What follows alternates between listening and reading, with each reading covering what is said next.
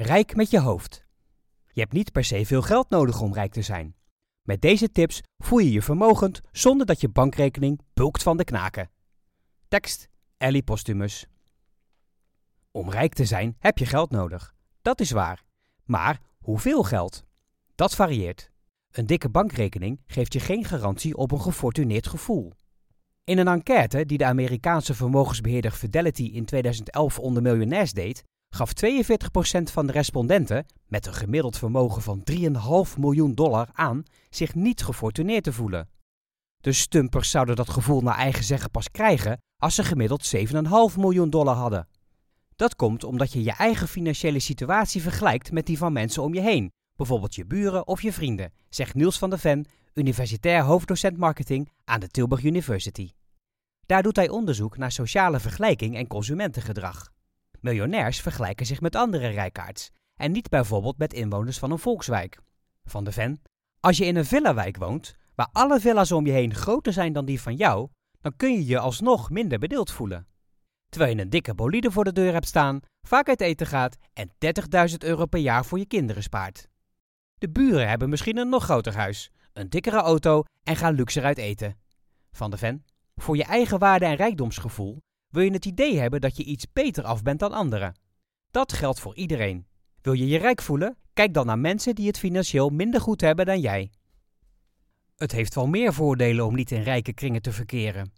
Psychologen van de San Francisco State University in de VS ontdekten in 2014 dat het wonen in een welgestelde buurt materialisme aanwakkert. De onderzoekers denken dat dat komt doordat mensen graag de welvarendheid willen uitstralen die past bij hun omgeving. Materialistisch of hebberig zijn is niet echt handig als je je rijk wilt voelen. Materialistische mensen denken dat ze een hoger inkomen nodig hebben om in al hun behoeftes te voorzien dan mensen die minder waarde hechten aan spullen. Daardoor zijn materialistische mensen minder tevreden met wat ze hebben en maken ze zich meer zorgen om geld. Het is sowieso handig de lat voor je inkomen en wensen die geld kosten niet te hoog te leggen.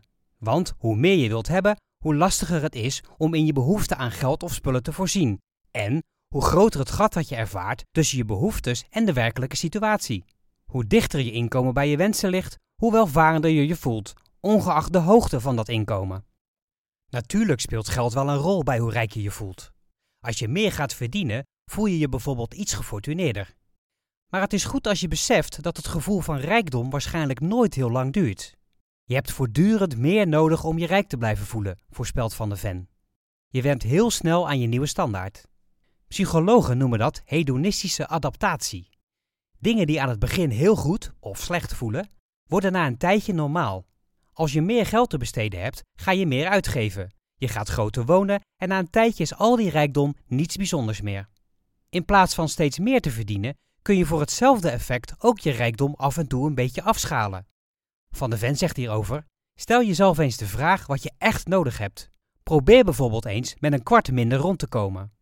Moet je echt altijd aanmerken kopen? Is dat bloemenabonnement noodzakelijk? Ruil je jaarlijkse wintersportvakantie een keer in voor uitjes vanuit huis? Van de Ven, zo zie je je eigen inkomsten vanuit een ander perspectief. Dan waardeer je daarna des te meer wat je hebt. Je kunt er ook voor kiezen om je geld weg te geven om je weer kapitaalkrachtig te voelen. Niet alles natuurlijk, want dan weet je zeker dat je je niet meer rijk voelt. Maar doneer een deel van je geld eens aan een goed doel. Wetenschappers van onder andere Harvard Business School in de VS ontdekten in 2013 dat je je daardoor rijker voelt. Ze lieten proefpersonen in een experiment eerst kiezen of ze geld dat ze voor het onderzoek kregen wilden doneren of niet. In een tweede experiment werd de helft daartoe gedwongen.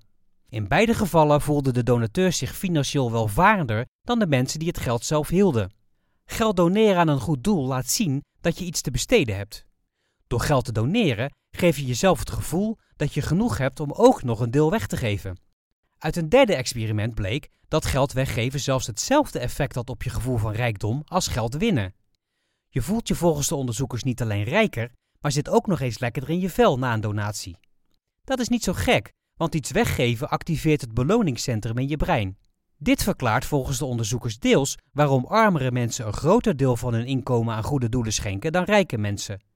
Zij hebben er meer behoefte aan om zich rijk te voelen. Mocht je geld gaan weggeven, houd dan wel altijd een bedrag op je lopende rekening of op een spaarrekening waar je elk moment bij kunt. Onderzoekers van onder meer het Engelse University College Londen vonden in 2016 dat geld op je gewone rekening zorgt dat je je financieel welvarend voelt. Dat is onafhankelijk van hoeveel geld mensen verdienen of op andere plekken hebben gestald, meldt onderzoeker Joe Gladstone. En zelfs onafhankelijk van hoeveel schulden ze hebben. Het idee is dat je het saldo op zo'n veelgebruikte rekening vaak ziet, in tegenstelling tot geld dat in investeringen zit. Je wordt er voortdurend aan herinnerd dat het er is, en dat geeft je een gevoel van financiële zekerheid. Daardoor voel je je welvarender. Zelfs als je schulden hebt, maar tegelijk een aardig bedrag op je rekening, voel je je toch niet zo arm. Andersom werkt dat net zo goed. Als je veel geld hebt in bijvoorbeeld aandelen of investeringen, maar slechts 1 euro op je gewone bankrekening, dan kan dat je gevoel van rijkdom flink aantasten. Sparen op je rekening heeft nog een voordeel. Hoe meer geld mensen sparen en hoe belangrijker ze het vinden om geld opzij te leggen, voor het geval dat, hoe minder geld er volgens hen nodig is om jezelf rijk te kunnen noemen. Verder is het goed voor je financiële tevredenheid om een realistisch beeld van je situatie te hebben, zegt Agata Gaciarowska.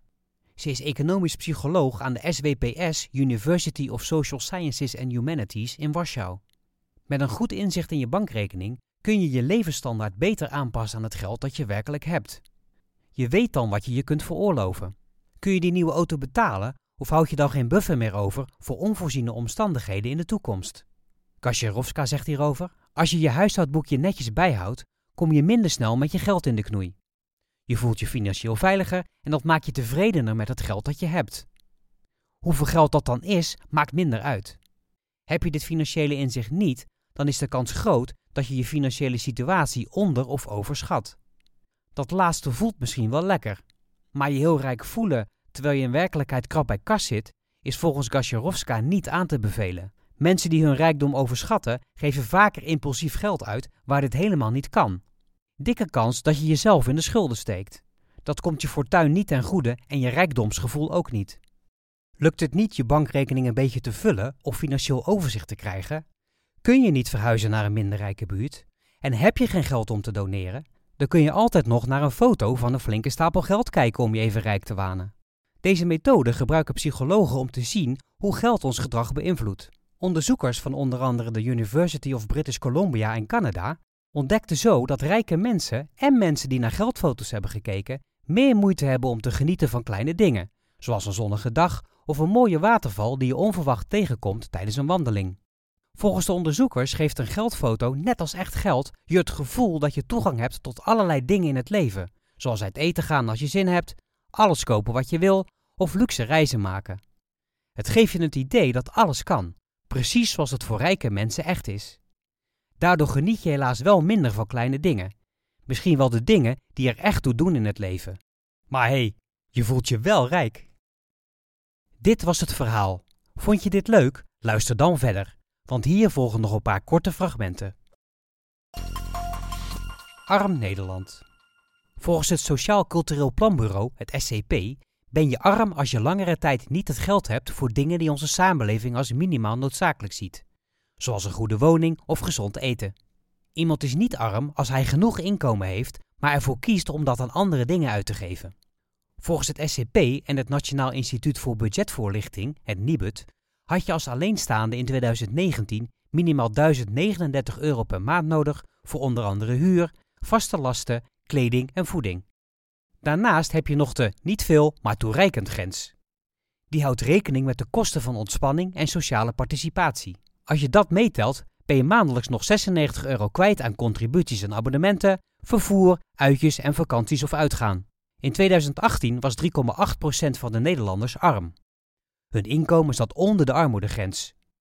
5,7% verdiende minder dan de niet veel, maar toereikend grens. Circa een half procent van de Nederlanders heeft een negatief inkomen. Bijvoorbeeld omdat de kosten van hun eigen bedrijf hoger zijn dan wat ze verdienen.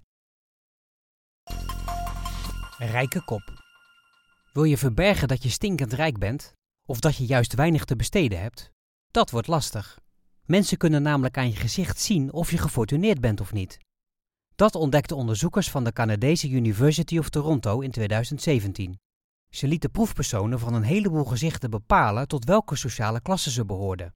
Dat konden de deelnemers beter dan je alleen op basis van kans zou verwachten. Overigens zagen ze dit alleen aan neutrale gezichten. Met een lach of andere emotie op het gelaat lukte het niet. Waarom niet? Volgens de onderzoekers maken armere mensen zich vaker zorgen en zijn rijkere mensen iets blijer. Als je bepaalde emoties jarenlang hebt, kerven die zich in je gezicht. Bij een neutrale gezichtsuitdrukking zie je die ingesleten lijntjes.